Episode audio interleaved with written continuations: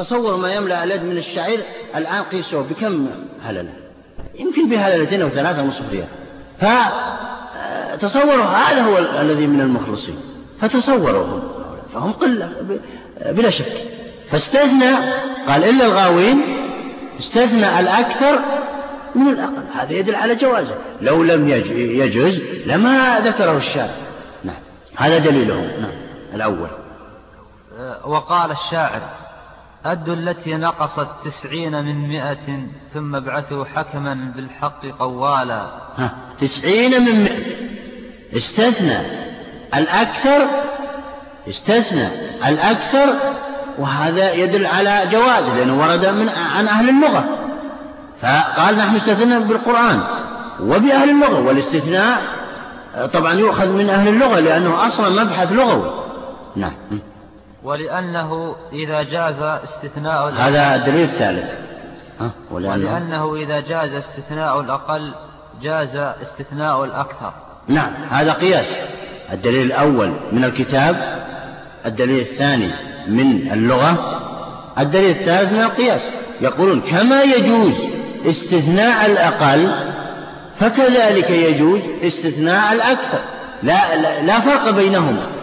لا فرق بينهما. والجامع أن كل منهما داخل تحت المستثنى منه.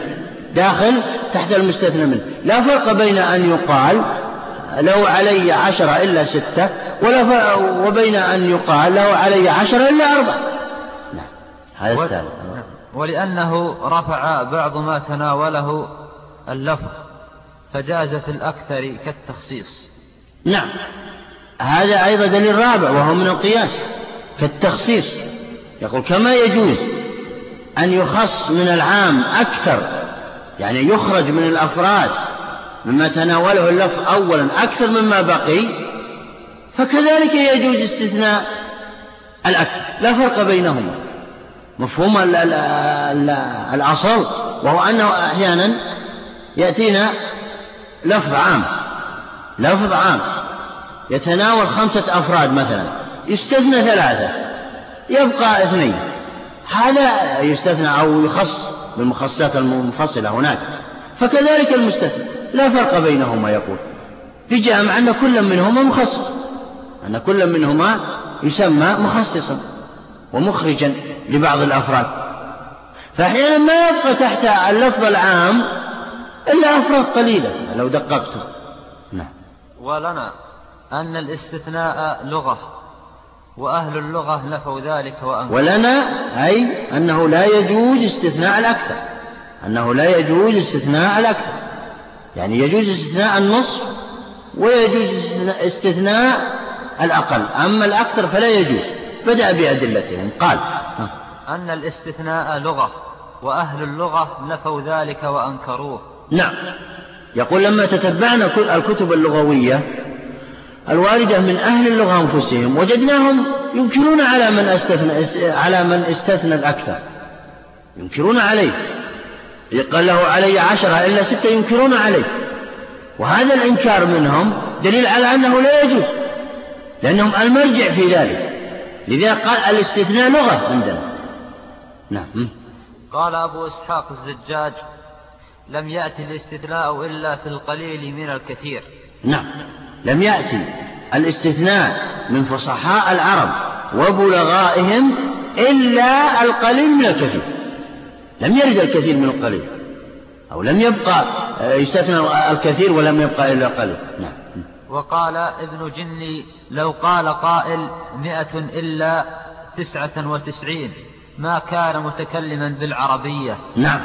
يقول أنه هذا لا يعرف اللغوية لا من قريب ولا من بعيد. لا يعرف اللغة العربية. لا من قريب ولا من بعيد من قال له علي مئة إلا تسعة وتسعين. هذا متلاعب في المجالس و ومكثر من من اللغو من غير فائدة. نعم. وكان كلامه عيا من الكلام ولكنة. أي نعم. يعني إذا تكلم وزعم أنه من أهل اللغة وزعم أنه عربي فإننا نقول أنه مريض هذا. يعني العي هو العاجز. إنما جزاء إنما شفاء العي السؤال يعني بمعنى أن الشخص إذا عجز عن إدراك أي شيء يسأل. نعم. كذلك هنا نعم. وقال القتبي ولكنة. ما معنى لكنة؟ يعني عدم تكلم باللغة العربية الفصحى. عدم معرفته لقواعد اللغة نعم. وقال القتبي يقال صمت الشهر كله إلا يوما واحدا ولا يقال صمت الشهر إلا تسعة وعشرين يوما. نعم. ويقول لقيت القوم جميعهم إلا واحدا أو, أو اثنين ولا يجوز أن يقول لقيت القوم إلا أكثرهم. نعم. إذا ثبت أنه ليس من اللغة فلا يقبل. نعم. يلزم من هذه النقول عن أهل اللغة وهم المرجع في الاستثناء يلزم ألا يجوز استثناء الأكثر وهذا دليل التلازم. نعم. إذا ثبت أنه ليس من اللغة فلا يقبل. ولو جاز هذا لجاز في كل ما كرهوه وقبحوه.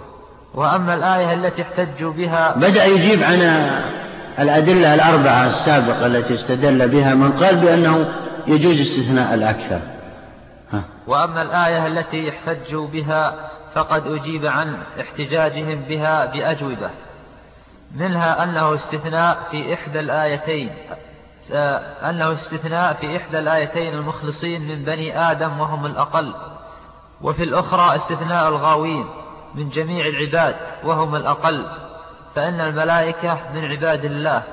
قال الله تعالى بل عباد مكرمون وهم غير غاوين نعم هو هذا جواب من الأجوبة.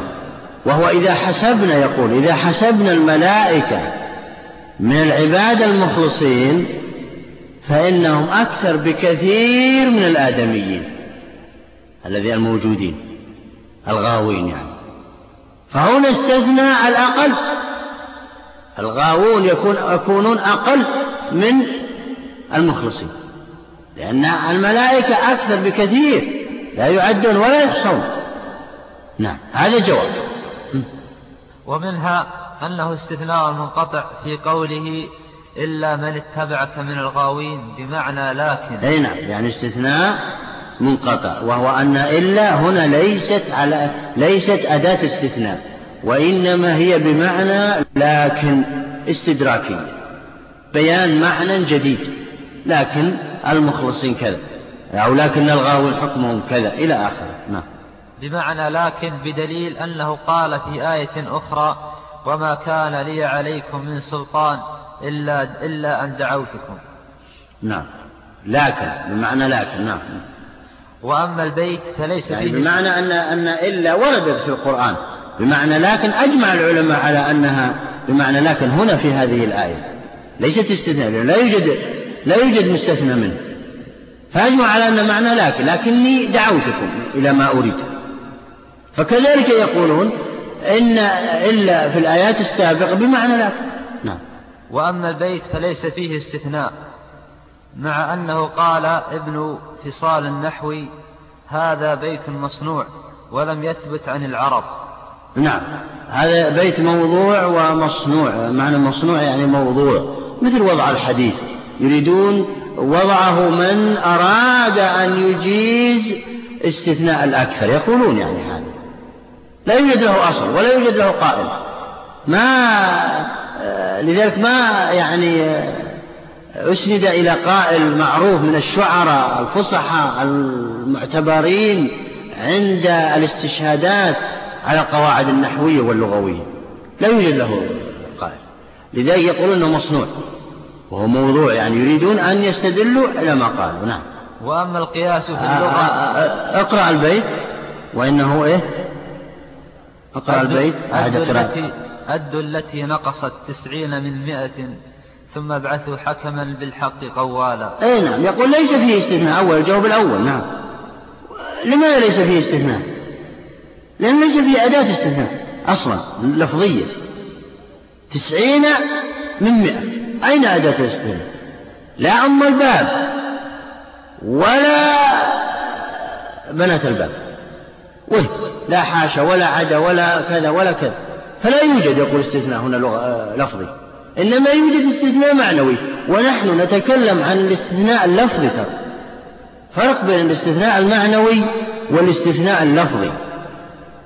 الاستثناء اللفظي قد يعبر الإنسان بأي تعبير لا توجد فيه إلا أو أحد أخواتها.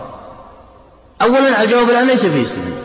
الجواب الثاني أن أن نفس البيت هذا موضوع.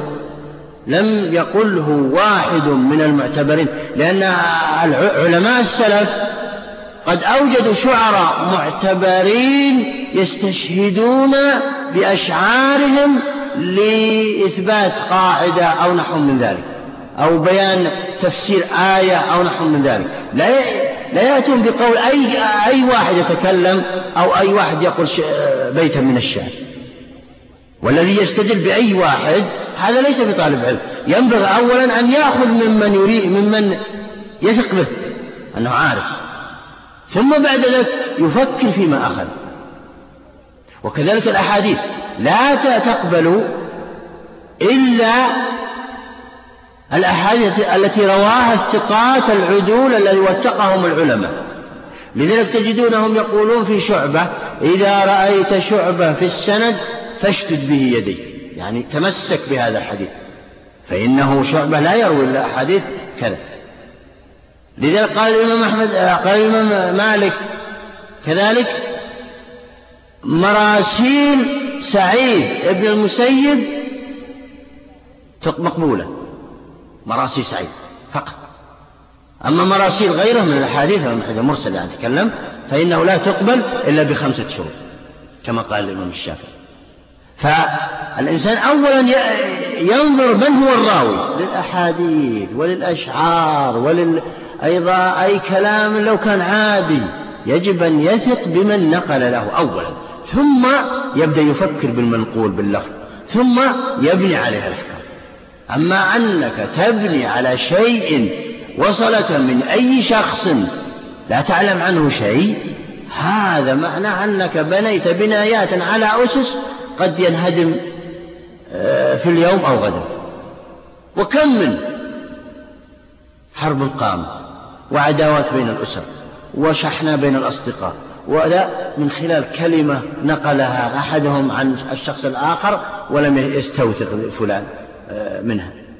فحصل ما حصل ترى. العداوات أساسها آه، لا لا لا, لا المخبرون. نعم يلا شوف لذلك تكلم العلماء في شروط الراوي كلاما طويلا جدا يعني ينبغي أن تقرأه لا لأجل يقرأه غير المتخصص أيضا في الأحاديث حتى يتأكد وينظر في من حوله. نعم. وآفات وآفة الأخبار. نعم. رواتها نعم. وأما القياس في اللغة فغير جائز. ولو كان جائزا فغير جائز. اختلف العلماء هل يثبت هل يثبت القياس في اللغة أم لا؟ على قولين بعضهم قال أنه لا يجوز إثبات اللغة قياسا وقد سبقت هذه المسألة. لأنهم قاسوا هناك. ما الذي قاسوه هناك؟ القياس الأول عندنا قياسان. القياس الأول ما الذي قاسوا قاسوا استثناء الأكثر على استثناء الأقل. قالوا كما يجوز استثناء الأقل يجوز استثناء الأكثر. فقط. نقول أولا إن هذا قياس في اللغة.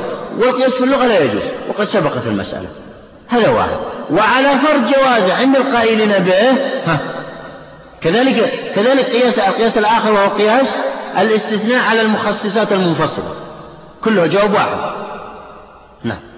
ولو كان جائزا فهو جمع بغير علة. نعم. فهو جمع بين آه، بين الأكثر والأقل من غير علة. واضحة جلية. لأن العلة مشترطة في القياس وهي أساس القياس. فلم توجد العلة. نعم. يلا شوف. ومثل هذا لو جاز استثناء البعض جاز استثناء الكل. أي نعم. يعني يقول لو أجلنا القياس في اللغة إذا لاختلطت حقائق الأمور. لقلتم أيضا ولقال قائل كما جاء كما جاز استثناء البعض يجوز استثناء إذا الكل. لا فرق. والكل اتفق العلماء عنه لا يجوز. لأن كل أعداد دخلت تحت المستثنى. إذا إذا مشينا على قاعدتكم وهو جواز القياس في اللغة. وجواز القياس في اللغة قد تكون فيه علة وقد لا تكون فيه علة.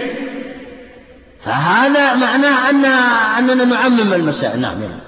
ويعارضه بأنه إذا لم يجز استثناء الكل فلا يجوز استثناء الأكثر. نعم.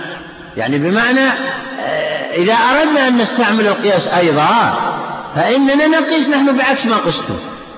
فنقول إذا لم يجوز قياس الكل فإنه لا يجوز قياس الأكثر. إذا لم ننظر إلى العلة وإذا أجزنا القياس في اللغة مطلقا فإننا نقول مثل هذا الكلام. إذا لماذا منعتم القياس في الكل؟ نعم يلا والفرق بين القليل والكثير أن العرب استعملته في القليل دون الكثير. نعم هذا جواب عن سؤال مقدر. وهو أن أصحاب المذهب الثاني يسألون ويقول لماذا فرقتم بين القليل والكثير؟ لماذا أجزتم استثناء الأقل ولم تجيزوا استثناء الأكثر؟ ما الفرق بينهما؟ قال الفرق هنا. الفرق هو أننا بعد استقرائنا لكلام أهل اللغة ومصنفاتهم وجدناهم أنهم يستثنون الأقل ويكثرون منه لكن لا يستثنون الأكثر. نعم. هذا الفرق بينهم. ثم هناك فرق آخر. ثم هناك فرق آخر وهو أن أن الأقل عادة يعيسى ثم يستدرك بعلة عند نهاية الكلام. أما الأكثر فلا ينسى. يعني شخص قال شخص يطلبك كذا من الدراهم. له علي عشرة ثم بعد ذلك قال إلا ستة لأن الاستثناء أصلا وضع وشرع لمراعاة ورخص رخص به الشرع لمراعاة ظروف الذين أحيانا ينسون أو يغفلون. فيقول له علي عشرة إلا أربعة إلا ثلاثة إلا اثنان. قد ينسى الإنسان الأقل لكن لا ينسى الأكثر. غالبا يعني غالبا لا ينسى الأكثر لا يقول إلا ستة لأنه يكون المقرر في أربعة إذن فيكون تذكر الأقل ونسي الأكثر. هذا ليس في آه، عند أهل العقول السليمة نعم يا فهذا أيضا تفريق بينهما. نعم. إذا تعقب الاستثناء جملا كقوله تعالى. أظن آخر فصل آه، طويل الفصل. طويل جدا. نعم. إذا نقف. صلى الله على نبينا محمد. بسم الله والحمد لله والصلاة والسلام على رسول الله. نبدأ من حيث وقفنا يا شيخ. بسم الله الرحمن الرحيم. الحمد لله رب العالمين والصلاة والسلام على نبينا محمد وعلى آله وصحبه أجمعين. وبعد قال ابن قدامة رحمه الله تعالى في كتابه الروضة فصل إذا تعقب الاستثناء جملا كقوله تعالى والذين يرمون المحصنات ثم لم يأتوا بأربعة شهداء فاجلدوهم ثمانين جلدة ولا تقبل لهم شهادة أبدا. وأولئك هم الفاسقون إلا الذين تابوا. وقول النبي صلى الله عليه وسلم لا يؤمن الرجل لا لا لا يؤمن الرجل في سلطانه ولا ولا يجلس على تكريمته إلا بإذنه. رجع الاستثناء إلى جميعها وهو قول أصحاب الشافعي. نعم. اختلف العلماء في هذه المسألة من مسائل الاستثناء. إذا جاء الاستثناء بعد جملة واحدة هذا واضح. هذا واضح. أكرم الطلاب إلا زيدا. يعود للجملة الأولى ولا خلاف فيه. لكن اختلفوا في مسألة وقد تكررت في النصوص كثيرة في الكتاب والسنة وهذا سبب من, أس من الأسباب المختلف فيها. إذا جاء الاستثناء بعد جملتين فأكثر. فهل يرجع هذا الاستثناء إلى الجملتين أو الجمل معا أم يرجع إلى آخر إلى الجملة الأخيرة إلى الجملة الأخيرة آخر المذكور يعني من الجمل؟ اختلف العلماء في هذه المسألة. فمثلا هذه الآية وهو قوله تعالى نعم أعد الآية. والذين يرمون المحصنات ثم لم يأتوا بأربعة شهداء فاجلدوهم ثمانين جلدة. فاجلدوهم ثمانين جلدة. هذه لا, لا دخل لها. هذا يجلد مهما كان سواء كان تاب أو ما تاب. الجم... انظروا إلى الجملتين الآتيتين فقط. ولا تقبلوا لهم شهادة أبدا. ولا تقبلوا لهم شهادة أبدا. وأولئك وأولئك هم الفاسقون. هم الفاسقون. إلا الذين تابوا.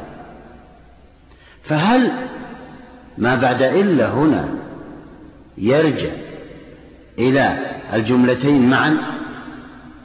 بمعنى الذي يتوب تقبل شهادته وتعاد إليه عدالته بمعنى لا يفسق أم أنه يعود إلى آخر الجملة وهو أنه لا تقبل له شهادة أبدا ولكنه لا يفسق إذا تاب يعني. اختلف العلماء في هذه المسألة على مذهبين. المذهب الأول أنها تعود إلى الجملتين فالذي يتوب تقبل شهادته ولا يفسق تعود إليه عدالته يعني. أما أصحاب المذهب الثاني فقالوا لا أنه لا تقبل له شهادة في هذه الأمور ولكن عدالته تعود آه، ولكن عدالته تعود إليه آه، إذا تاب. أما الأول فهو لا تقبل شهادة تاب أو لم يتب. كذلك الحديث لا يؤمن الرجل في سلطانه ولا يجلس على تكرمته هنا إلا بإذنه هنا هل يعود؟ هذا إذا أذن صاحب الدار يجوز أن تأمه في داره أنت؟ إذا أذن لك يجوز أن تأمه في داره؟ أو وكذلك إذا أذن لك يجوز أن تجلس على تكرمته وهي مجلسها المعتاد؟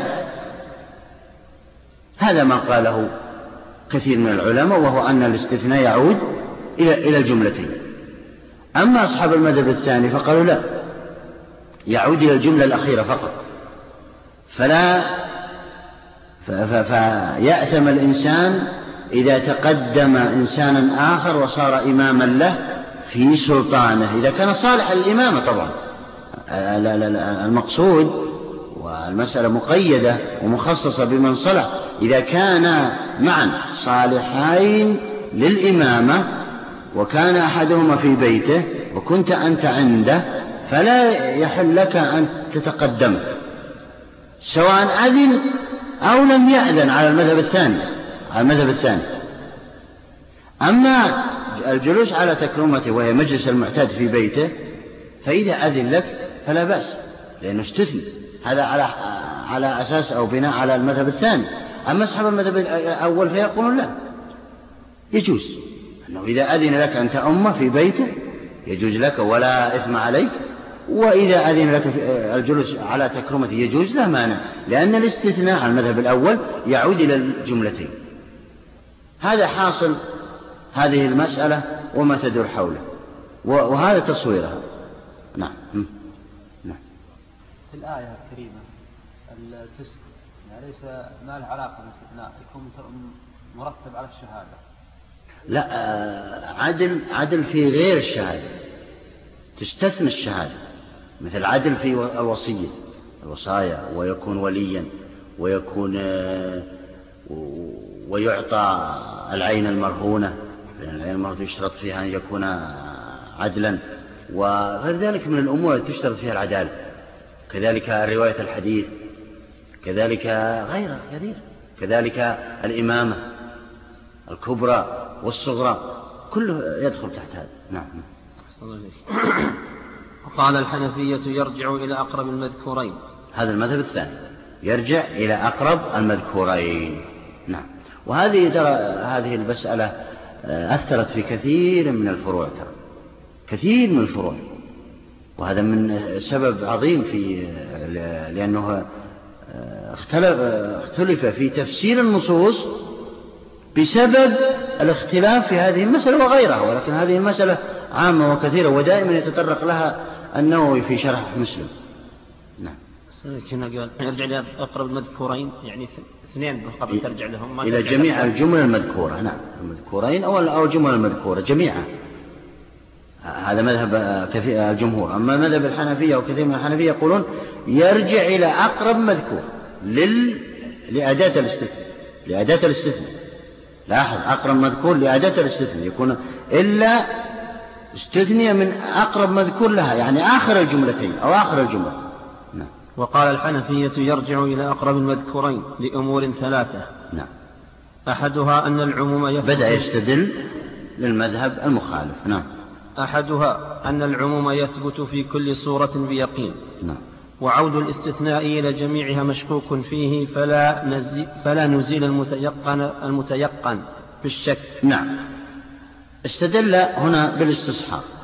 يقول إن تعميم الجملتين أو الأكثر يعني من الجملة آه هذا تيقنا منه. تيقنا منه. وكونها وكون الاستثناء يعود إلى آخر الجمل متيقنين منه أيضا. لكن المشكوك فيه هو أن يعود الاستثناء إلى جميع الجمل. هي الجملة التي قبل الأخيرة. هذا مشكوك فيه يقول عندنا. وما دام أنه مشكوك فيه فإننا لا نعد الاستثناء إليها إلى تلك الجملة. عملا بالأصل. عملا بالأصل. وعملا باليقين. وأن اليقين لا يزول بالشك وهذه قاعدة كلية وأن اليقين لا يزول بالشك. فما دام مشكوك فيه عوده إلى الجملة الأولى التي قبل الأخيرة فإننا نتركه. ونعمم الحكم لها ولا ولا نستثنيه بالاستثناء. نعم. والثاني أن الاستثناء إنما وجب رده إلى ما قبله ضرورة. ما قبل الاستثناء يعني ما قبل أداة الاستثناء. ضرورة أنه لا يستقل بنفسه. نعم. يقول إن إننا أرجعنا الاستثناء إلى الجملة التي قبل إلا. هذا اضطررنا إليه. لماذا؟ يقول سبب الاضطرار هنا أنه لا يستقل بنفسه. أن إلا أن استثناء يعني لا يستقل بنفسه. لذلك أرجعناه. وإلا الأولى ألا يرجع أصلا يقول. لكن للضرورة أرجعنا إلا إلى ما قبلها لأجل أن تكون الجملة آه، مفيدة. ولا يجلسن على تكرمة إلا بإذنه. يقول هذه الجملة مفيدة لذلك أرجعنا إلا إلى الجملة الأخيرة. الجملة الأولى منعزلة لوحدها. لم نضطر إلى أن نرجع الاستثناء إليها الجملة الأولى. نعم. فإذا تعلق بما يليه فقد استقل وأفاد. نعم. إذا آه، عاد إلى آه، إلى الجملة التي تلي الاستثناء التي قبل الاستثناء يعني التي قبل الاستثناء فإنه يفيد. لكن إذا آه، لم نعده إليها فلا يفيد شيئا. فلذلك أعدناه. هذا سبب الاضطرار يعني. نعم. فإذا تعلق بما يليه فقد استقل وأفاد فلا حاجة إلى تعليقه بما قبل ذلك. نعم. يعني يقول إننا ما دام أن الجملة تفيد الجملة الأخيرة مع الاستثناء لا حاجة لنا إلى الجملة الأولى. فتستقل بنفسها لا يعود إليها حتى لأن سبب الاستثناء أصلا الاضطرار أصل أصل مشروعية الاستثناء. وترخيص الشارع له أصل لأجل الاضطرار لأن الإنسان أحيانا ينسى. يقول له علي عشرة ويمكن آه، هي ثمانية ولكنه إيه؟ نسي. فجعل رخص له الشارع بهذا الاستثناء ليستدرك. فقال إن هذا هذه الضرورة ممكن أن نجعلها في آخر الجملة ونكتفي بها ولا نحتاج إلى الجملة الأولى. فلا نعلقه به وصار كالاستثناء من الاستثناء. نعم. والثالث أن الجملة مفصول بينها وبين الأولى فأشبه ما لو حصل فصل بينهما بكلام آخر. أعد. الثالث أن الجملة مفصول بينها وبين الأولى. فأشبه ما لو حصل فصل بينهما بكلام آخر. أي نعم. هو يقول إن الجملة الأولى قد فصل بينها وبين إلا بالجملة الأخيرة. بالجملة الأخيرة. فلا يؤمن الرجل في سلطانه ولا يجلسن على تكرمته إلا بإذنه. فتكون الجملة الأخيرة فاصلة بين الجملة الأولى وبين إلا. وهذا يخل بالاستثناء يقول. فلذلك أرجعنا الاستثناء إلى الجملة المتصلة بالاستثناء نفسه يعني جاء الاستثناء بعدها مباشرة ليتصل الكلام. هذه العبارة. الثالث. والثالث أن الجملة مفصول بينها وبين الأولى فأشبه ما لو حصل فصل بينهما بكلام آخر. نعم. هذا قياس.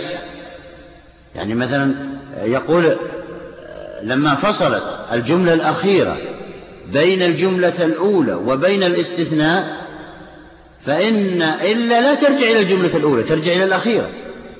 أشبه ما لو قال أكرم الطلاب و أكرم الطلاب وأركبهم في سيارتك مثلا إلا زيدا إلا زيدا فهنا إلا ترجع إلى الجملة الأخيرة يعني لا تركب لكن أكرم. هذا على بناء على المذهب الثاني. لكن لو قال أكرم الطلاب واذهب أنت يا عمر إلى السوق إلا زيدا فإن إلا هنا لا ترجع إلى الأولى. لأن هناك فاصل آه، فاصل من غير جنس الكلام الأول. فهنا شبه. فيقول إن إتيان الجملة الأخيرة بعد التي قبل إلا كأنها فاصل بين الجملة الأولى وبين إلا. فاصل بشيء يعني غريب شيء ليس من جنس الكلام الأول.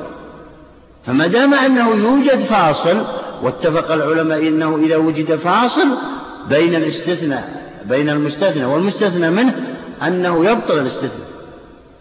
فيقول إن الجملة كأنه يقول إن الجملة الأخيرة أفسدت الاستثناء أصلا لأنها فرقت بين الأولى وبين إلا نعم. أعد العبارة. الثالث والثالث أن الجملة مفصول بينها وبين الأولى فأشبه أن الجملة مفصول بينها وبين الأولى يقصد المستثنى الجملة المستثنى اللي بعد إلا. مفصول بينها وبين الأولى. بإيش؟ بفاصل وهو الجملة الأخيرة. نعم. فأشبه ما لو حصل فصل بينهما بكلام آخر. نعم سيأتي الجواب عن ذلك عن تلك الأدلة الثلاثة. نعم. وأدلتنا ثلاثة. نعم أدلة من قال بأن إلا ترجع إلى الجمل. نعم. جميعا نعم. أحدها أن الشرط إذا تعقب جملا عاد إلى جميعها كقوله نساء طوالق وعبيد أحرار أن أعد العبارة. الدليل الأول أن الشرط إذا تعقب جملا عاد إلى جميعها كقوله نساء طوالق وعبيد أحرار إن كلمت زيدا. فكذلك الاستثناء فإن الشرط والاستثناء شيئان في تعلقهما بما قبلهما وبغيرهما له. نعم. الدليل الأول لهم القياس. قياس الاستثناء على الشرط. فيقول لو قال امرأتي طالق وعبدي حر إن خرجت من البيت. إن خرجت من البيت. فإن هذا الشرط يعود للجملتين السابقتين. فلو خرج من البيت أجمع العلماء على أن امرأته تطلق وأن عبده يعتق. يقولون فكذلك الاستثناء لا فرق. فهنا استثنى فهنا قاس الاستثناء على الشرط. قاس الاستثناء على الشرط. يقول لا فرق بينهما. يعني كل كل منهما قد تعلق بالسابق تعلقا آه، معا تعلق آه، بجميع الجمل لا فرق بينها. هو هذه العبارة مثل لو قال أكرم زيدا وأركبه معك أو أكرم الطلاب وأركبهم معك إلا زيد. نفس العبارة. لا فرق بينها فيعود إلى جميع الجمل. أو إلا إلا الطوال أو إلا القصار مثلا. أو أكرم التجار والعلماء إلا الطوال. معناه أن كلمة الطوال هذه الصفة أيضا قياس على الصفة تعود إلى الجملتين معا فالطوال يخرجون فكذلك الشرط لا فرق بينها. أو أكرم العلماء والتجار الطوال هذه الصفة أيضا أخرجنا. أو أكرم العلماء والتجار إن كانوا قصارا. هذا شرط. كلها واحدة الشرط. والصفة والاستثناء. ترى مفهومها واحد عند الجمهور. لا يفرقون بينها في هذه الأمور. وكلها أيضا تعطي معنى واحدا لا فرق بينها. لأن لأن لأن التعلق واحد فيها أعد العبارة. أحدها أن الشرط يتعقب جملا عاد إلى جميعها كقوله نساء طوالق وعبيد أحرار إن كلمت زيدا فكذلك الاستثناء فإن الشرط والاستثناء شيئان في تعلقهما بما قبلهما وبغيرهما له. نعم والصفة مثلهم مثلا. المؤلف ترى لم يذكر الصفة هنا. سيأتينا الشرط بعد ذلك لأن الصفة نفس الشرط لا فرق ونفس الاستثناء. نعم. ولهذا يسمى التعليق بشرط مشيئة الله استثناء فما ثبت لأحدهما ثبت في الآخر. نعم بشرط مشيئة الله يعني يقول سآتيك إن شاء الله. يسميه بعضهم استثناء. آه واستثناء يعني تحت مشيئة الله. وهذه طبعا كلمة كلمة عقائدية ينبغي أن يقولها كل إنسان وحتى أن المؤمن بالله لو لم يقلها فإنها تلزمه من لوازم العقيدة إن شاء الله. لو لم يقلها أصلا نعم. يعني هذه شرط إن شاء الله. إن شاء الله شرط. ولكن بعضهم يقول إنها استثناء. يعني إلا ما شاء الله. إن شاء كذا أو كذا. والمفهوم واحد ترى. نعم. لكن الخلاف في صياغة العبارة. نعم. فإن قيل الفرق بينهما أن الشرط أن الشرط رتبته التقديم بخلاف الاستثناء. نعم.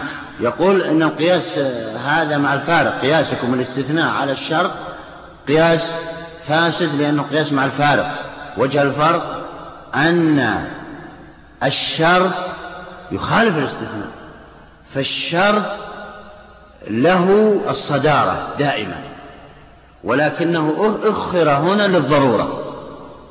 فالأولى أن يقول إن دخل إن دخلت الدار فنسائي طوالق وعبيدي أحرار. هذا الأصل لكنه أخر لنهج له التأخير لكن الأصل فيه الصدارة الأصل فيه الصدارة أما الاستثناء فالأصل فيه التأخير. فلا تقول فلا تقول إلا زيدا أكرم الطلاب. لا يمكن أن يأتي هذا هذه تأتي هذه العبارة. فيقول نظرا لهذا الفرق فإن القياس فاسد. قياس الاستثناء على الصرف على الشرط. نعم. قلنا إذا تأخر الشرط فلا فرق بينهما. نعم. الجواب عن ذلك نقول أبدا. إننا قسنا الاستثناء على الشرط المتأخر ولم نقسه على الشرط المتقدم. وبهذا نخلص من هذا الاعتراف ثم إن كان متقدما فلما لا يتعلق بالجملة الأولى دون ما بعدها؟ أعد.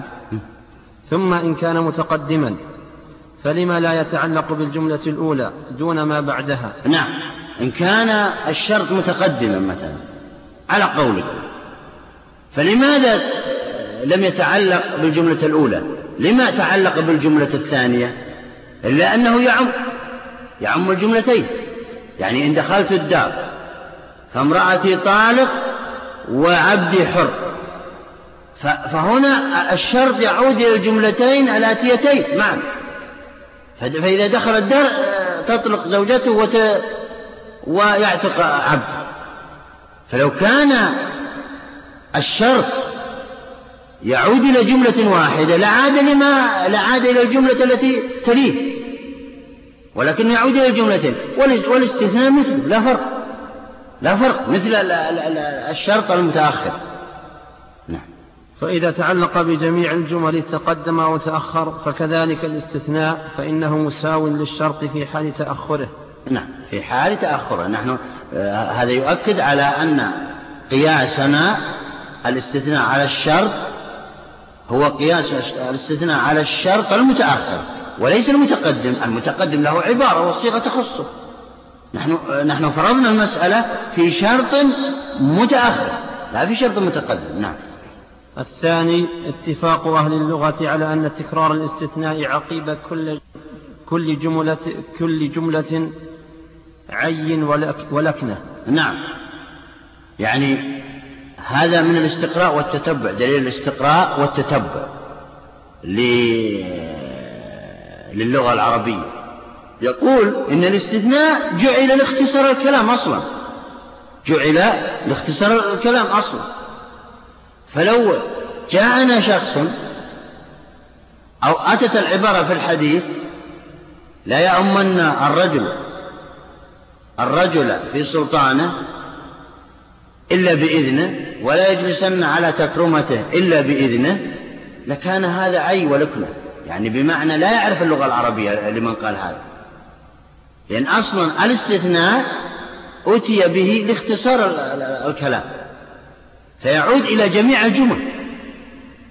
وهذا ثبت من استقراء وتتبع كلام العرب.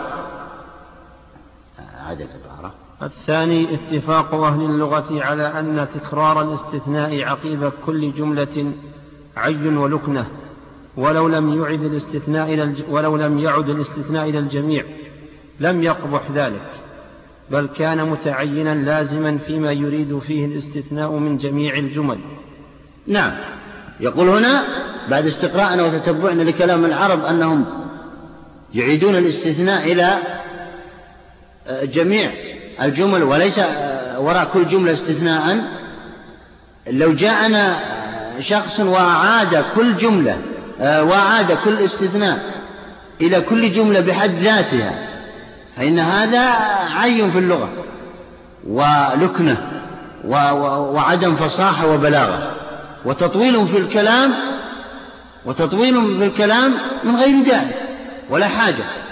الثالث أن العطف بالواو يوجب نوعا من الاتحاد بين المعطوف والمعطوف عليه فتصير الجمل كالجملة الواحدة فيصير كأنه قال اضرب الجماعة الذين هم قتلة وسراق إلا من تاب. نعم. يعني يقول إن الواو هنا الموجودة بين الجملتين الواو الموجودة بين الجملتين هي عاطفة وتفيد الجمع وتفيد الجمع بينهما فكأنها جملة واحدة في الفعل والفاعل. اضرب ها؟ اضرب الجماعة الذين هم قتلة وسراق إلا من تاب. أين؟ نعم. اضرب الجماعة الذين هم أول وصفهم بأنهم سراق وقتلة إلا من تاب. فهنا الواو هذه جمعت بين الجملتين. فكأنها جملة واحدة فأعاد الاستثناء إليهما لأن الفعل والفاعل واحد. لكن المفعول به اختلف وهذا لا يضر في اللغة العربية. ولا فرق بين هذا وبين قوله اضرب من قتل وسرق إلا من تاب. نعم. هي نفس العبارة بالمفهوم. نعم. وقولهم إن التعميم مستيقن ممنوع فإن العموم والإطلاق لا يثبت قبل تمام الكلام. نعم. بدأ بالدليل الأول وهو قولهم هناك واستدلالهم بالاستصحاب هناك أن التعميم تعميم الحكم هذا مستيقن وإرجاع الاستثناء إلى العبارة الأولى مشكوك فيه وإرجاع إلى العبارة الجملة الأخيرة التي تليها الاستثناء هذا متيقن للضرورة لضرورة استكمال الكلام يعني أو فائدة الكلام. إن قولهم إنه عام مستيقن هذا هذا لا يقبل لأنه لا يمكن أن نفهم أنه عام إلا بعد استكمال العبارة. والعبارة آه، والعبارة كمالها لا يكون إلا بعد الاستثناء وانتهاء الكلام وانتهاء آه، المتكلم. نعم أعد العبارة. وقولهم إن التعميم مستيقن ممنوع فإن العموم والإطلاق لا يثبت قبل تمام الكلام. نعم لا يمكن أن يثبت العموم أو الإطلاق في اللفظ إلا إذا كمل الكلام. أما يأتي شخص ويقطع الكلام من نصفه ويستدل بنصفه على شيء فهذا فهذا يعتبر من من الجنون. لا بد أن يكمل الكلام. فهم كمن استدل بقوله تعالى فويل للمصلين وسكت ولم يقرأ آخر الآية. فمن استدل أو قال بأن عامة أول الكلام دون إكماله كمن استدل بهذه الآية فقط القبلية قبل الاستثناء. فانظروا ما الذي فعل. وهذا الذي حاصل الآن في هذه في هذه الأزمنة. تجدهم يستدلون بنصف آية أو بربع حديث أو بحديث كامل. قد يكون منسوخ قد يكون آه ليس على ظاهره قد يكون معارض بأمور كثيرة. ثم يأتي وينفذ. دون أن يعلموا القواعد الأصولية الشرعية والطرق وطرق الاستنباط التي ينبغي أن تكون. فظنوا أن هذا القرآن وهذه السنة يؤخذ الحديث منه أطرف حديث ويستدل به ويعمل به. وهذا غير صحيح. هذا غير صحيح. لا يجوز لأي شخص أن يستدل بأي آية أو بأي حديث إلا إذا علم طرق الاستنباط منها. فقد تكون خاصة وقد تكون منسوخة الآية والحديث وقد يكون معارضة بأحاديث أخرى وبآيات أخرى وغير ذلك. نعم. وقولهم إن التعميم مستيقن ممنوع فإن العموم والإطلاق لا يثبت قبل تمام الكلام وما تم حتى أردف حتى أردف باستثناء يرجع إليه. يعني بمعنى لا يتم إلا إلا إذا أردف بالاستثناء. وهو والاستثناء يرجع إليه يرجع إلى ذلك الكلام. لو لم يرجع لما صح الاستدلال بالاستثناء أصلا. لأن, لأن قول الشخص مثلا له علي عشرة له علي عشرة دنانير إلا أربعة هذا يقصد أن أن له علي ستة. لو لم يكمل عبارته لكانت عشرة وهذا ظلم. نعم. ثم يبطل بالشرط والصفة وقد سلم أكثرهم عموم ذلك. ثم؟ ثم يبطل بالشرط والصفة. نعم نعم. وقد سلم أكثرهم عموم ذلك. أي نعم. يبطل كلامهم بالشرط والصفة. أكرم الطلاب الطوال مثلا. فهنا أكرم الطلاب والعلماء والتجار الطوال فهنا يرجع إلى جميع المذكورين. فلا يكرم إلا الطوال. مثلا الشرط أكرم الطلاب والعلماء والتجار إن كانوا طوالا. فهو يرجع إلى الجميع أيضا. فنختار الطوال من التجار والعلماء والطلاب ونكرمهم فقط. هاتان العبارتان هما نفس عبارة لو قال أكرم الطلاب والتجار والعلماء إلا القصار نفس العبارة لكن تغيرت الصيغة. فيكون الشرط والصفة والاستثناء واحد لا فرق بينها وما دام أنكم تقبلون من الشرط والصفة ذلك فيلزمكم أن تقبلوا من الاستثناء ذلك لا فرق. نعم. ولما ذكر الله تعالى خصال خصال كفارة اليمين الثلاثة ثم قال فمن لم يجد رجع ذلك إلى جميعها. أين لما خصال الكفارة الثلاثة أما الاعتاق أو الإكساء عشرة مساكين أو إطعام عشرة مساكين فلما لم يجد الشخص فإن لم يجد فصيام ثلاثة أيام فهنا عاد هذا هذا الشرط إلى من؟ إلى عدم وجدان العتاق وعدم وجدان الإطعام وعدم وجدان الإكساء وهذا متفق عليه. فهو كمن قال إلا الذين لم يجدوا. لا فرق بين الشرط والاستثناء هنا. فإذا قبلتم الاستثناء هنا وأجمعتم على أنه فإذا قبلتم الشرط هنا وأجمعتم عليه فينبغي أن تقولوا مثل ذلك في الاستثناء لا فرق. نعم. وقولهم إن الاستثناء إنما تعلق بما قبله ضرورة ممنوع بل إنما رجع إلى ما قبله لصلاحيته لذلك. نعم. يعني يقولون إن الاستثناء رجع ضرورة إلى ما قبله. هذا لا نسلمه ليس ضروري. إنما رجع إلى ما قبله سواء كان جملة أو جملة أو ثلاث لصلاحية رجوعه. لصلاحية رجوعه. إذ لو لم يصلح للرجوع لما رجع. لو قال شخص مثلا آه، أكرم الطلاب أكرم الطلاب ثم قال اذهب يا فلان ائتني بماء ثم قال إلا زيدا. فإن إلا هنا باطلة. الاستثناء هنا باطل. لأنه لا تصلح هذه إلا أو المستثنى أن يرجع إلى ما قبلها. فأبطل كلامه. بإتيان بكلام من غير جنس الإكرام.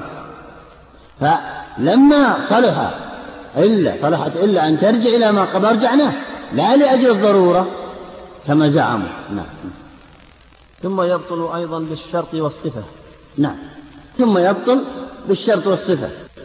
فالشرط والصفة يرجع إلى إلى إلى ما قبله بصلاحية لذلك. بصلاحية مثلا لو قال أكرم الطلاب والعلماء والشياه الطوال. فإن هذا الصفة تبطل ترى لماذا؟ لأن الشياه ليست من جنس الطلاب والعلماء. فلا بد أن يكون المذكور كله من جنس واحد. ويكرم ويحس بالإكرام الحيوان لا يحس. فكذلك كذلك الشرط أكرم الطلاب والعلماء والشياه إن كانوا طوالا.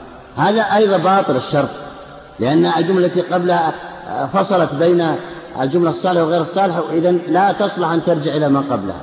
فرجوع إلا إلى ما قبلها نظرا لصلاحية ما قبلها لها لا للضرورة كما زعموا نعم. أما الاستثناء من الاستثناء فلم يم فلم يمكن عوده إلا إلى إلى الأول.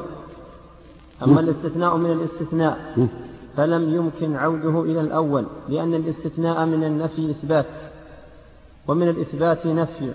نعم. الاستثناء من الاستثناء مسألة مهمة وهي إن يقول مثلا له علي عشرة إلا أربعة إلا اثنين. هذا استثناء من الاستثناء.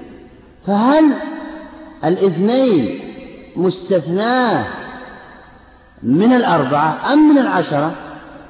يقول هنا إنها الاستثناء مستثناة من الأربعة.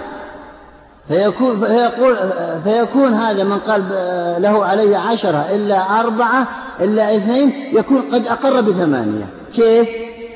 لأنه استثنى أولا أربعة ثم استثنى مرة ثانية اثنين من الأربعة لأن الاستثناء من النفي لأن الأول الاستثناء الأول نفي أثبت أن له عليه عشرة إثبات. ثم استثنى أربعة نفي. ثم استثنى من المنفي إثبات وهو الاثنين. فيكون الاستثناء من الإثبات نفي ستة والاستثناء من المنفي إثبات فيكون اثنان تضاف إلى الستة فتكون ثمانية. فلا يصلح ما قلتم. ما زعموا هناك. أنه تصبح المسألة استثناء من الاستثناء وهذا لا يصح. نعم. أما الاستثناء من الاستثناء فلم يمكن عوده إلى الأول لأن الاستثناء من النفي إثبات. ومن الإثبات نفي فتعذر النفي من النفي. نعم يعني لا يرجع الاستثناء الثاني إلى الأول. وإنما يرجع إلى الاستثناء الثاني. لا الأول. لا لا يرجع الاستثناء الثاني إلى الجملة الأولى. إنما يرجع إلى الاستثناء الأول مثل العبارة السابقة. فالاثنين رجعت إلى الأربعة لم ترجع إلى العشرة وإلا كان مستثنى ستة فيبقى أربعة. نعم. وهكذا كل ما فيه قرينة تصرفه عن الرجوع لا يرجع إلى الأول. نعم.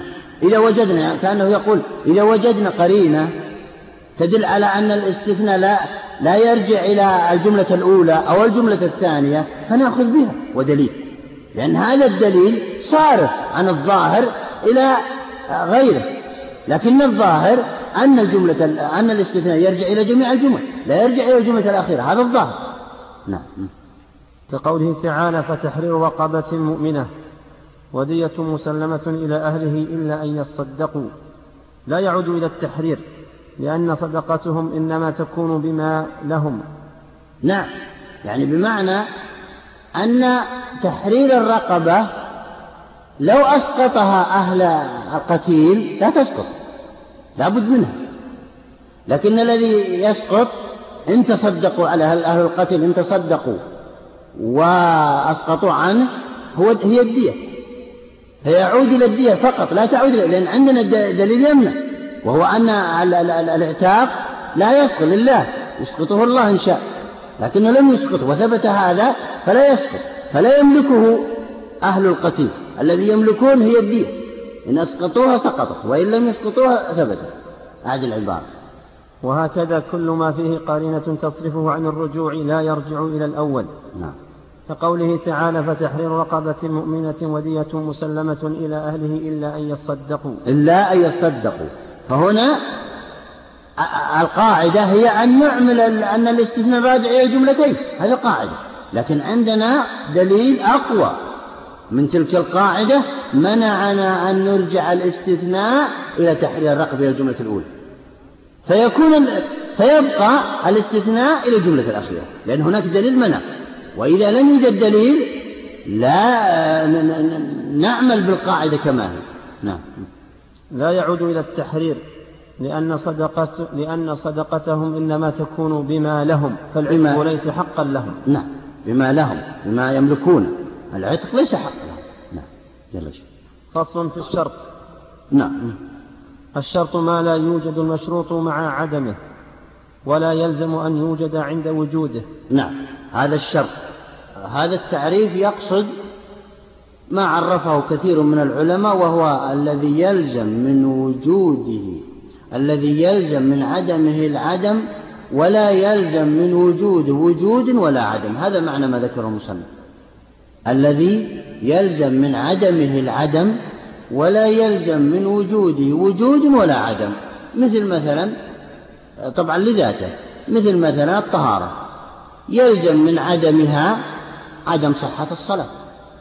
لكن لا يلزم من وجودها وجود صحة الصلاة.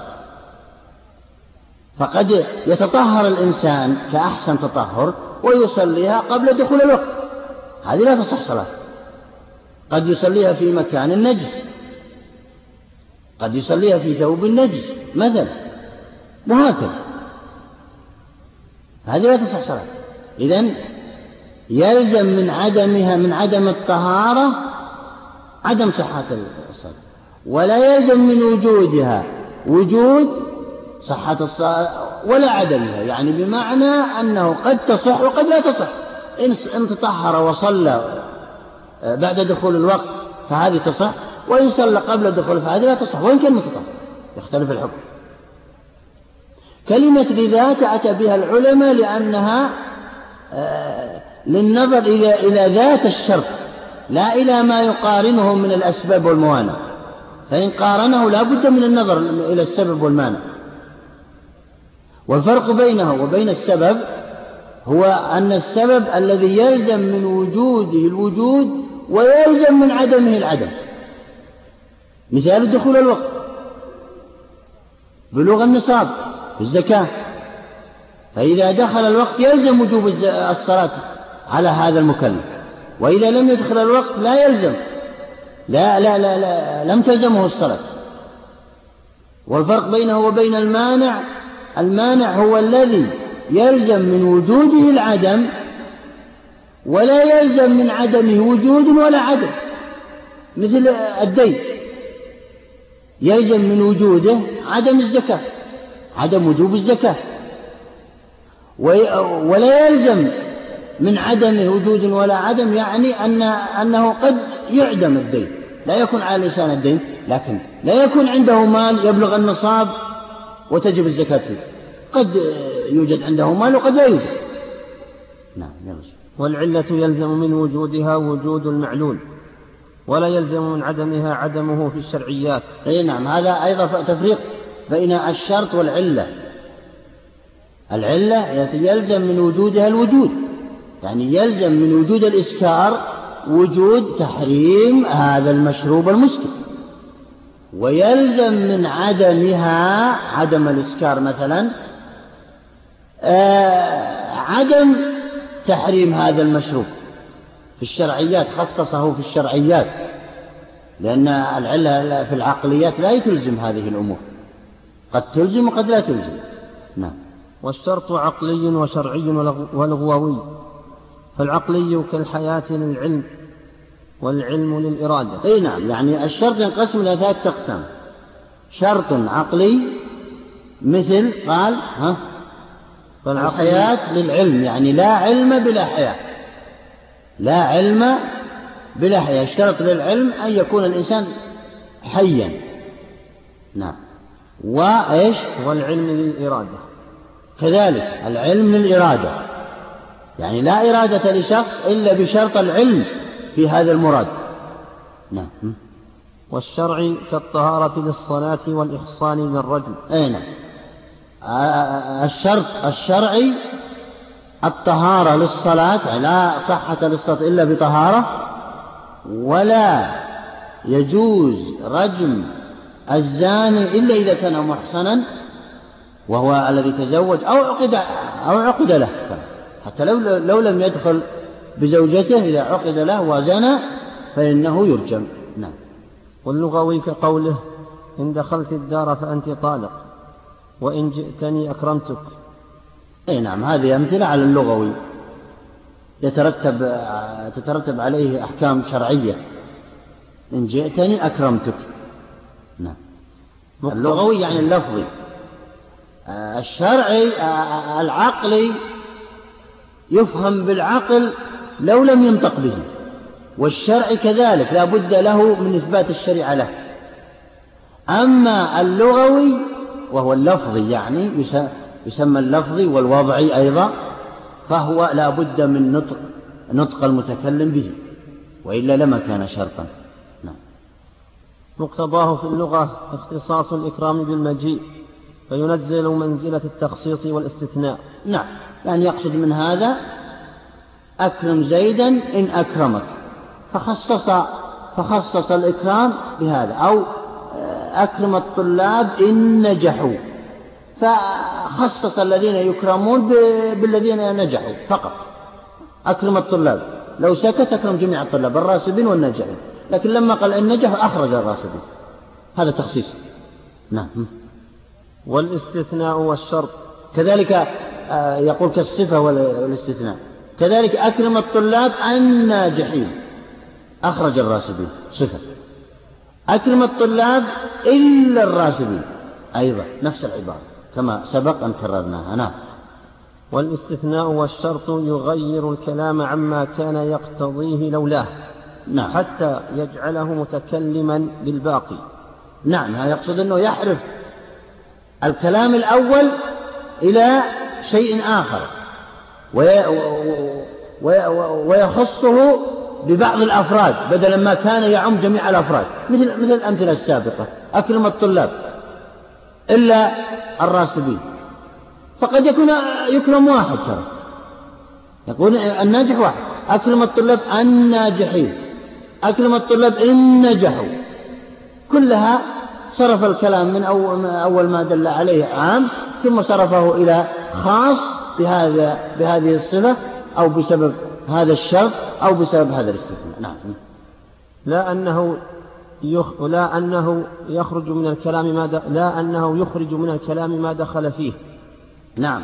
يعني بمعنى أن المخصصات المتصلة دائما لم تخرج من الكلام شيئا داخلا أصلا. وهذا هو الفرق بين المخصصات المتصلة والمنفصلة. المخصصات المنفصلة بالأول يأتي عام ثم يعمل به مدة ثم بعد ذلك يأتي مخصص من الكتاب أو السنة أو الإجماع أو القياس أو غير ذلك مما سبق التسعة السابقة ثم يخرجه. فهنا أخرج شيئا داخلا كان داخلا. لكن المخصصات المتصلة كالاستثناء والصفة والشرط لم يخرج فردا داخلا أصلا. إذ لم يعمل به لأن الكلام لأن المتكلم لم يكمل كلامه حتى يعمل به أولا. لم يقل أكرم الطلاب ثم بعد عمل به وأكرم الجميع ثم بعد قال إلا زيدا. هذا هذا لم يتكلم باللغة العربية. لأن سكوته هذا فاصل كما قلنا فيما سبق يشترط في في الاستثناء. والصفة والشرط أن يتصل الاتصال ترى. وجميع الفروق بين الاستثناء والمخصصات المنفصلة وبين الاستثناء والنسخ نفسها هي فروق بين الصفة والشرط وبين تلك الأمور. لا فرق. نفس شروط الاستثناء هي نفسها شروط الصفة والشرط. نعم. يا أنه يخرج من الكلام ما دخل فيه فإنه لو دخل لما خرج. نعم. فإذا قال أنت طالق إن دخلت الدار. معناه إنك عند الدخول طالق. نعم. أنت طالق إن دخلت الدار. يعني لم يكمل العبارة إلا بعد ما ذكر هذا الشرط. فهي لم تدخل أصلا. لكن إن دخلت فيما بعد فإنها تكون طالق. فهنا لم يعمل بما سبق. بخلاف العموم يأتي ثم يعمل به ثم بعد يأتي المخصص المنفصل. نعم يلا وقوله له علي عشرة إلا ثلاثة معناه له علي سبعة. فإنه لو ثبت له عليه عشرة لما قدر على إسقاط ثلاثة. ولو قدر على ذلك بالكلام المتصل لقدر عليه بالمنفصل فيصير موضوع الكلام ذلك. نعم. هنا يقول لو قال له علي عشرة إلا ثلاثة. لم يعمل بالأول وقال له علي عشرة ثم استلم هذا المقر له العشرة. لا يمكنه أن يخرج, منه الثلاثة مستحيل. لأنه بالأول أقر وشهد عليه وسكت. وسكت بدليل أنه لم يأتي إلا مباشرة. إذا سكت يتحمل سكوت. لا يصح الاستثناء. إذا فصل بين بين إلا والمستثنى منه. إذا فصل بفاصل لا يلحق هذا المستثنى بالمستثنى منه ويبطل. ولو فعل ما فعل مهما كان يبطل. إلا إذا كان آه، ضروريا الفصل كالسعال مثلا كالنفس أخذ نفسه ممكن العلماء استثنوا هذه الأمور. لكن كونه يسكت أو ينشغل بشيء آخر فإن المستثنى لا يتم المستثنى فيكون المقر به عشرة. لا يمكن أن تخرج. نعم. فقوله ويل للمصلين لا حكم له قبل إتمام الكلام فإذا تم كان الكلام مقصورا على من وجد منه السهو والرياء لا أنه دخل فيه كل مصل ثم خرج البعض. أي نعم. ويل للمصلين إلا الذين. فلا بد من وصل الآية هذه. وإلا لو قال فويل للمصلين وسكت وإلا وتكلم بكلام آخر أو كذا فإنه لا تصح قراءته أصلا يقول بعض العلماء. فلا بد أن يكملها. هذا من الإلزام في وإن كانت فصلت بينها بينهما آية مثلا. لأن المعنى لا يمكن أن يتم إلا بهذا نعم يلا كذلك الاستثناء والشرط. يعني كذلك الاتصال يقصد. يعني وجوب اتصال الاستثناء والشرط والصفة كوجوب اتصال فويل للمصلين إلا الذين لابد يعني كأن يعني التحذير من الفصل كالتحذير من الفصل في هذه الآية. بسرعة يا شيخ؟ بس انتهى باب المطلق والمقيد.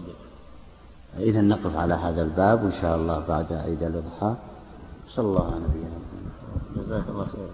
بسم الله والحمد لله والصلاة والسلام على رسول الله. نعم. بسم الله الرحمن الرحيم.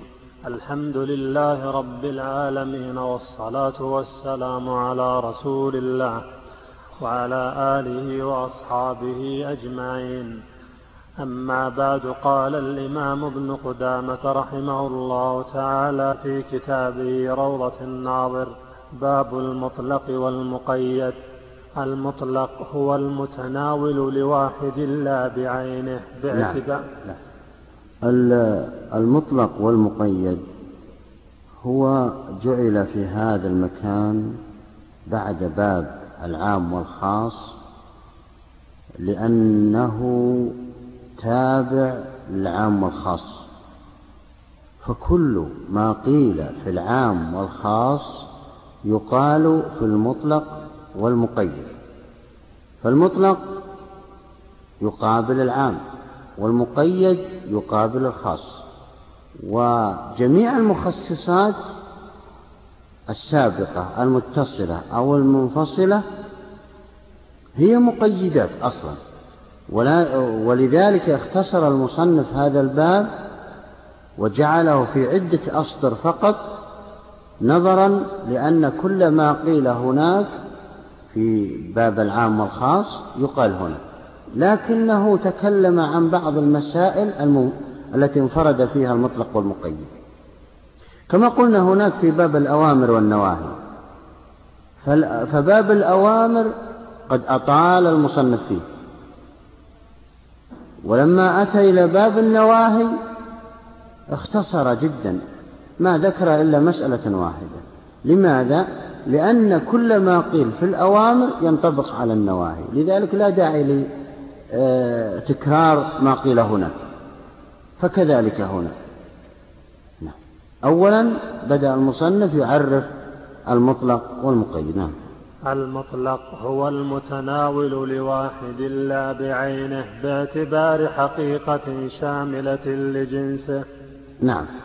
المطلق هو اللفظ الذي تناول واحدا لا بعينه. مثل أكرم رجلا. وقلنا هناك إن النكرة في سياق الإثبات هذا مطلق. أما النكرة في سياق النفي فهو عام.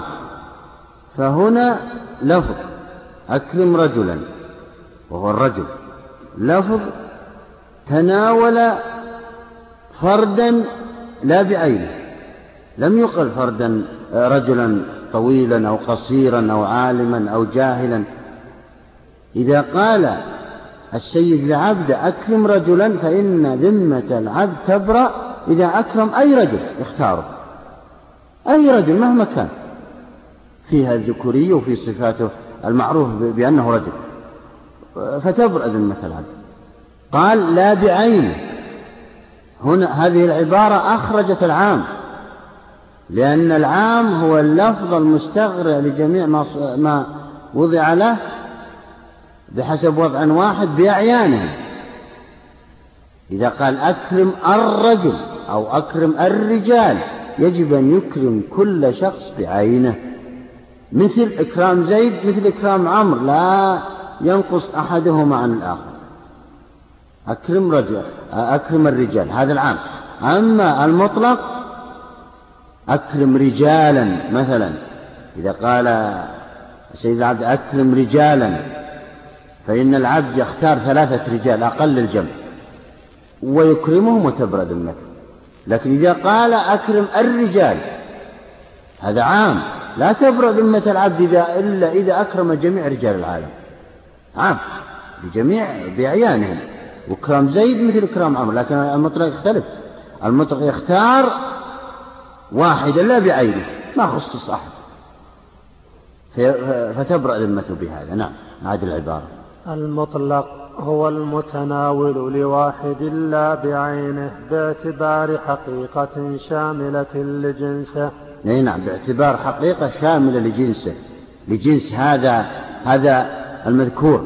جنس الرجال أكرم رجلا أو أكرم رجالا. يعني لا لا يقيد بمفرد بل مجموع. أناس أكرم رجالا لكن من يكرم من جنس الرجال. هذا هو المقصود بالمطلق الجنس فقط وليس المقصود العين. العام يختلف عنه المقصود العيان أقيموا الصلاة. يجب أن تقام صلاة الظهر أربع ركعات على ملك الملوك وأفقر الفقراء. أربع ركعات مهما كان ولو كان الإنسان مريض. لابد عليه أربع ركعات سواء كان قائما أو جالسا أو بإيماء إشارة أو حاجب المهم أربع ركعات. هذا عام. لكن إذا قال صل ركعات فقط هنا اختر. أي مجموعة ثلاثة ثلاثة وهو أقل الجمع عند الجمهور فتبرأ ذمته أعطي فقراء أعطي فقراء تختار. أو أعطي فقيرا وهكذا. هذا المطلق. فهو مطلق. والمخاطب عنده الحرية في أنه يختار من يشاء ويكرمه سواء كان أصدقاء قرباء غير ذلك ما, له ما الآمر أطلق له الحرية لكن العام لا. قيد بجميعهم سواء كان أقرباء أو غير أقرباء. نعم. وهي النكرة في سياق الأمر كقوله تعالى فتحرير رقبة. نعم.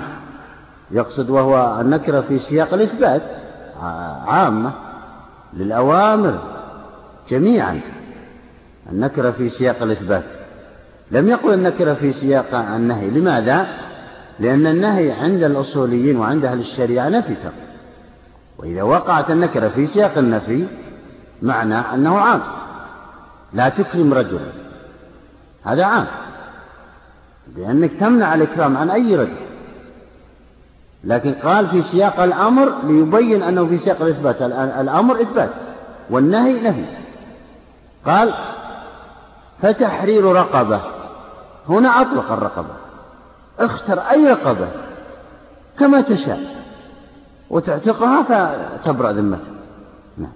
وقد يكون في الخبر كقوله عليه الصلاة والسلام لا نكاح إلا بولي. نعم. والمقيد نعم لا نكاح إلا بولي. هذا مطلق. لماذا؟ مع أنه في أول العبارة فيه نفي ما سبب ذلك؟ لأنه استثنى من النفي والاستثناء من النفي إثبات قاعدة معروفة لا نكاح إلا بولي يعني تخت... ال... ال... الولي الصالح لهذه المرأة يجوز أن يكون وليا لها ويعقد آه لهذا لهذا الخاطب ونحو من ذلك لا نكاح إلا بولي. يعني إذا وجد الولي فيصح النكاح. إذا لم يوجد لا يصح النكاح. نعم. والمقيد هو المتناول لمعين أو لم أو هذا يعتبر خبر. العبارة السابقة يعتبر خبر يعني بمعنى أن المطلق يقع في الخبر مثل الأمر لكن لا يقع في النهي. لأن الكتاب والسنة ورد في ثلاثة أمور فقط. أوامر ونواهي وأخبار ما في رابع لها أوامر ونواهي وأخبار فهنا النهي لا يمكن أن يقع فيه المطلق لأن إذا وقع نهي معناه نفي وهذا صيغة من صيغ العموم لذلك اقتصر في المطلق على الأوامر والأخبار نعم المقيد هو المتناول لمعين أو لغير معين موصوف بأمر زائد على الحقيقة الشاملة لجنسه. نعم هذا المقيد وهو اللفظ المعين بإشارة أو بتشخيص اسم يعني أكرم زيدا. هذا مقيد ومخصص. يعتبر. أو آه لفظ مطلق ولكنه زيد فيه وصف. فقيل أكرم رجلا طويلا. أكرم عالما آه، في فن كذا في مادة كذا في آه، تخصص كذا. هنا خصص. فإذا خصصه معنى قيد بهذا بهذا المخصص بهذا المقيد. والمقيدات كما قلت لكم تأتي مثل ما قلنا هناك المخصصات المتصلة الصفة والشرط والغاية. نفس المخصصات المتصلة هنا. نعم. أعد المقيد. نعم. والمقيد هو المتناول لمعين. هذا واحد. معين وهو مشخص.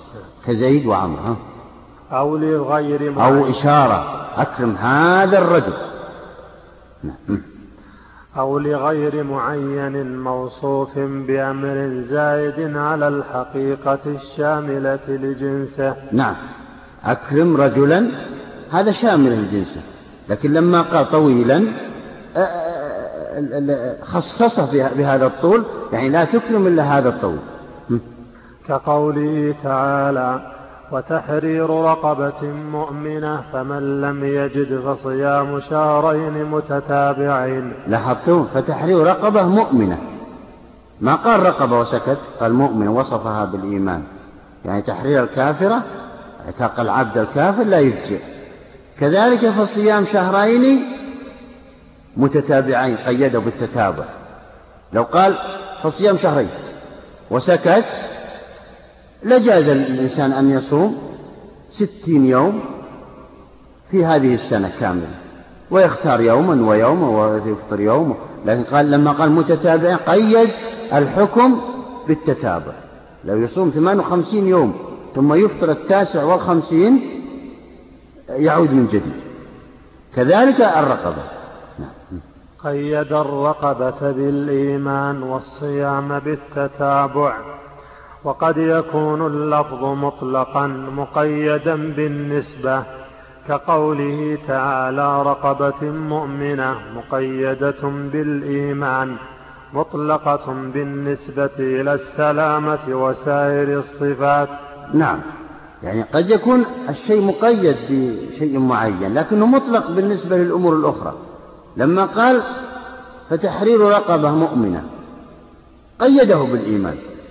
لكن يختار المأمور أي عبد سواء كان طويل أو قصير أسود أو أبيض آه، رومي أو حبشي أو غير ذلك. لكن بذلك الشرط وهو الإيمان. هذا قصده آه، هذا المقصد من كلامه قد يكون مقيد من جهة ومطلق من جهة أخرى. وهذا وهذا فيه دفع مفاسد وجلب مصالح للمأمور. لأن يعني المأمور آه، لو قيد بعتاق عبد آه، ووضعت له صفات دقيقة في كل شيء لاستحال تنفيذ الأمر. يعني لا يجد قد لا يجدها لكنه قيد بالإيمان فقط. لكن كونه كذا أو كونه كذا أو يصلح للمهنة الفلانية أو لا يصلح أو غير ذلك هذه أو كاتب أو غير كاتب أو عامي أو اقرأ هذا لم يقيده إنما الإيمان الإسلام يعني نعم. ويسمى الفعل مطلقا نظرا إلى, هو إلى ما هو من ضرورته إلى ما هو من ضرورته من الزمان والمكان والمصدر والمفعول به والآلة فيما يفتقر إلى الآلة والمحل للأفعال المتعدية. نعم. أكمل. وقد, يتقي وقد يتقيد بأحدها دون بقيتها والله أعلم. يعني يقصد من هذا الكلام أن الإطلاق عام وشامل لكل ما يتصل بالمأمور به. مثلا ابن هذا الجدار أو ابن ابن لي جدارا وأطلق. لك الخيار. المأمور له الخيار بأن يبني هذا الجدار من المكونات كذا أو كذا يبني لوحده أو مع أفراد يبني بآلة كذا أو كذا. المآمر ما له دخل فيه. المهم أن الجدار يقوم. أدب, أدب ولدا. أو أدب ابنا لي اختر أي واحد وأدبه المأمور يؤدبه بأي شيء يريد. بتوبيخ بذم بضرب بحبس بأي شيء. المهم يطلع عليه الولد مؤدب. وهكذا. يعني بمعنى أن يقصد من هذا العبارة أن المطلق أن المطلق آه، في أي شيء لا يقيد في أي شيء يخصه. سواء كان بالزمان كان يبني الجدار في الليل أو في النهار ما له دخل الآمر. المأمور يفعل كما يشاء. أو المكان سواء آه، بناه في هذا الشيء أو في, في هذا الموضع ولا ذاك أو في الآلة أو في الفاعل أو في المفعول. المهم أن هذا الجدار يكون مبنيا. وهكذا. نعم. فصل. إذا ورد لفظان مطلق. هذا أراد المصنف أن يسول لنا المطلق والمقيد بأمثلتهما. واضح؟ نعم. فصل إذا ورد لفظان مطلق ومقيد فهو على ثلاثة أقسام. نعم.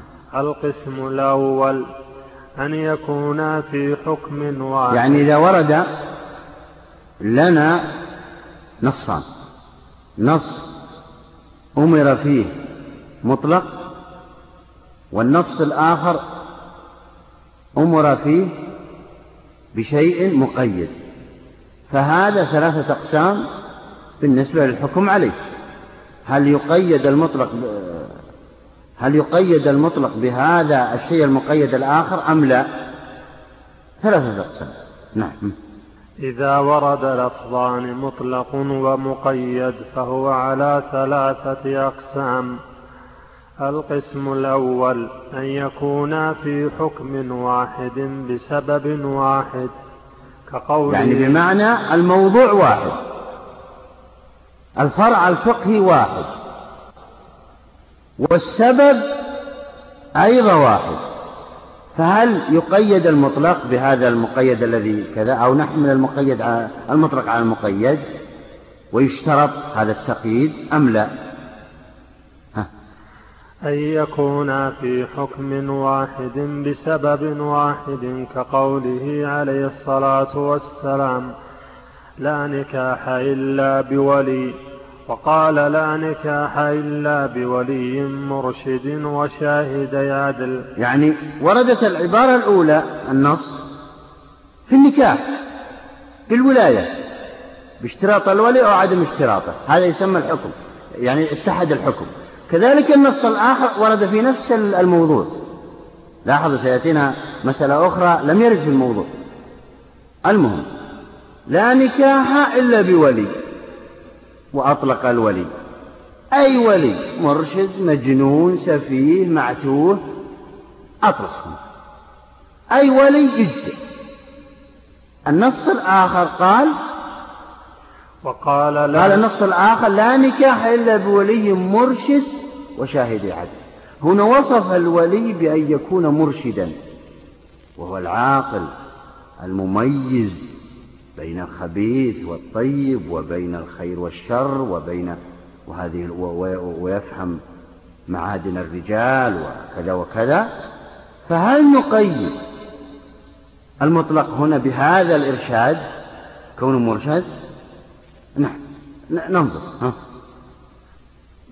كونه مرشد يعني وفاهم الأمور نعم. فيجب حمل المطلق على المقيد. وقال أبو حنيفة نعم. هذا فيه خلاف.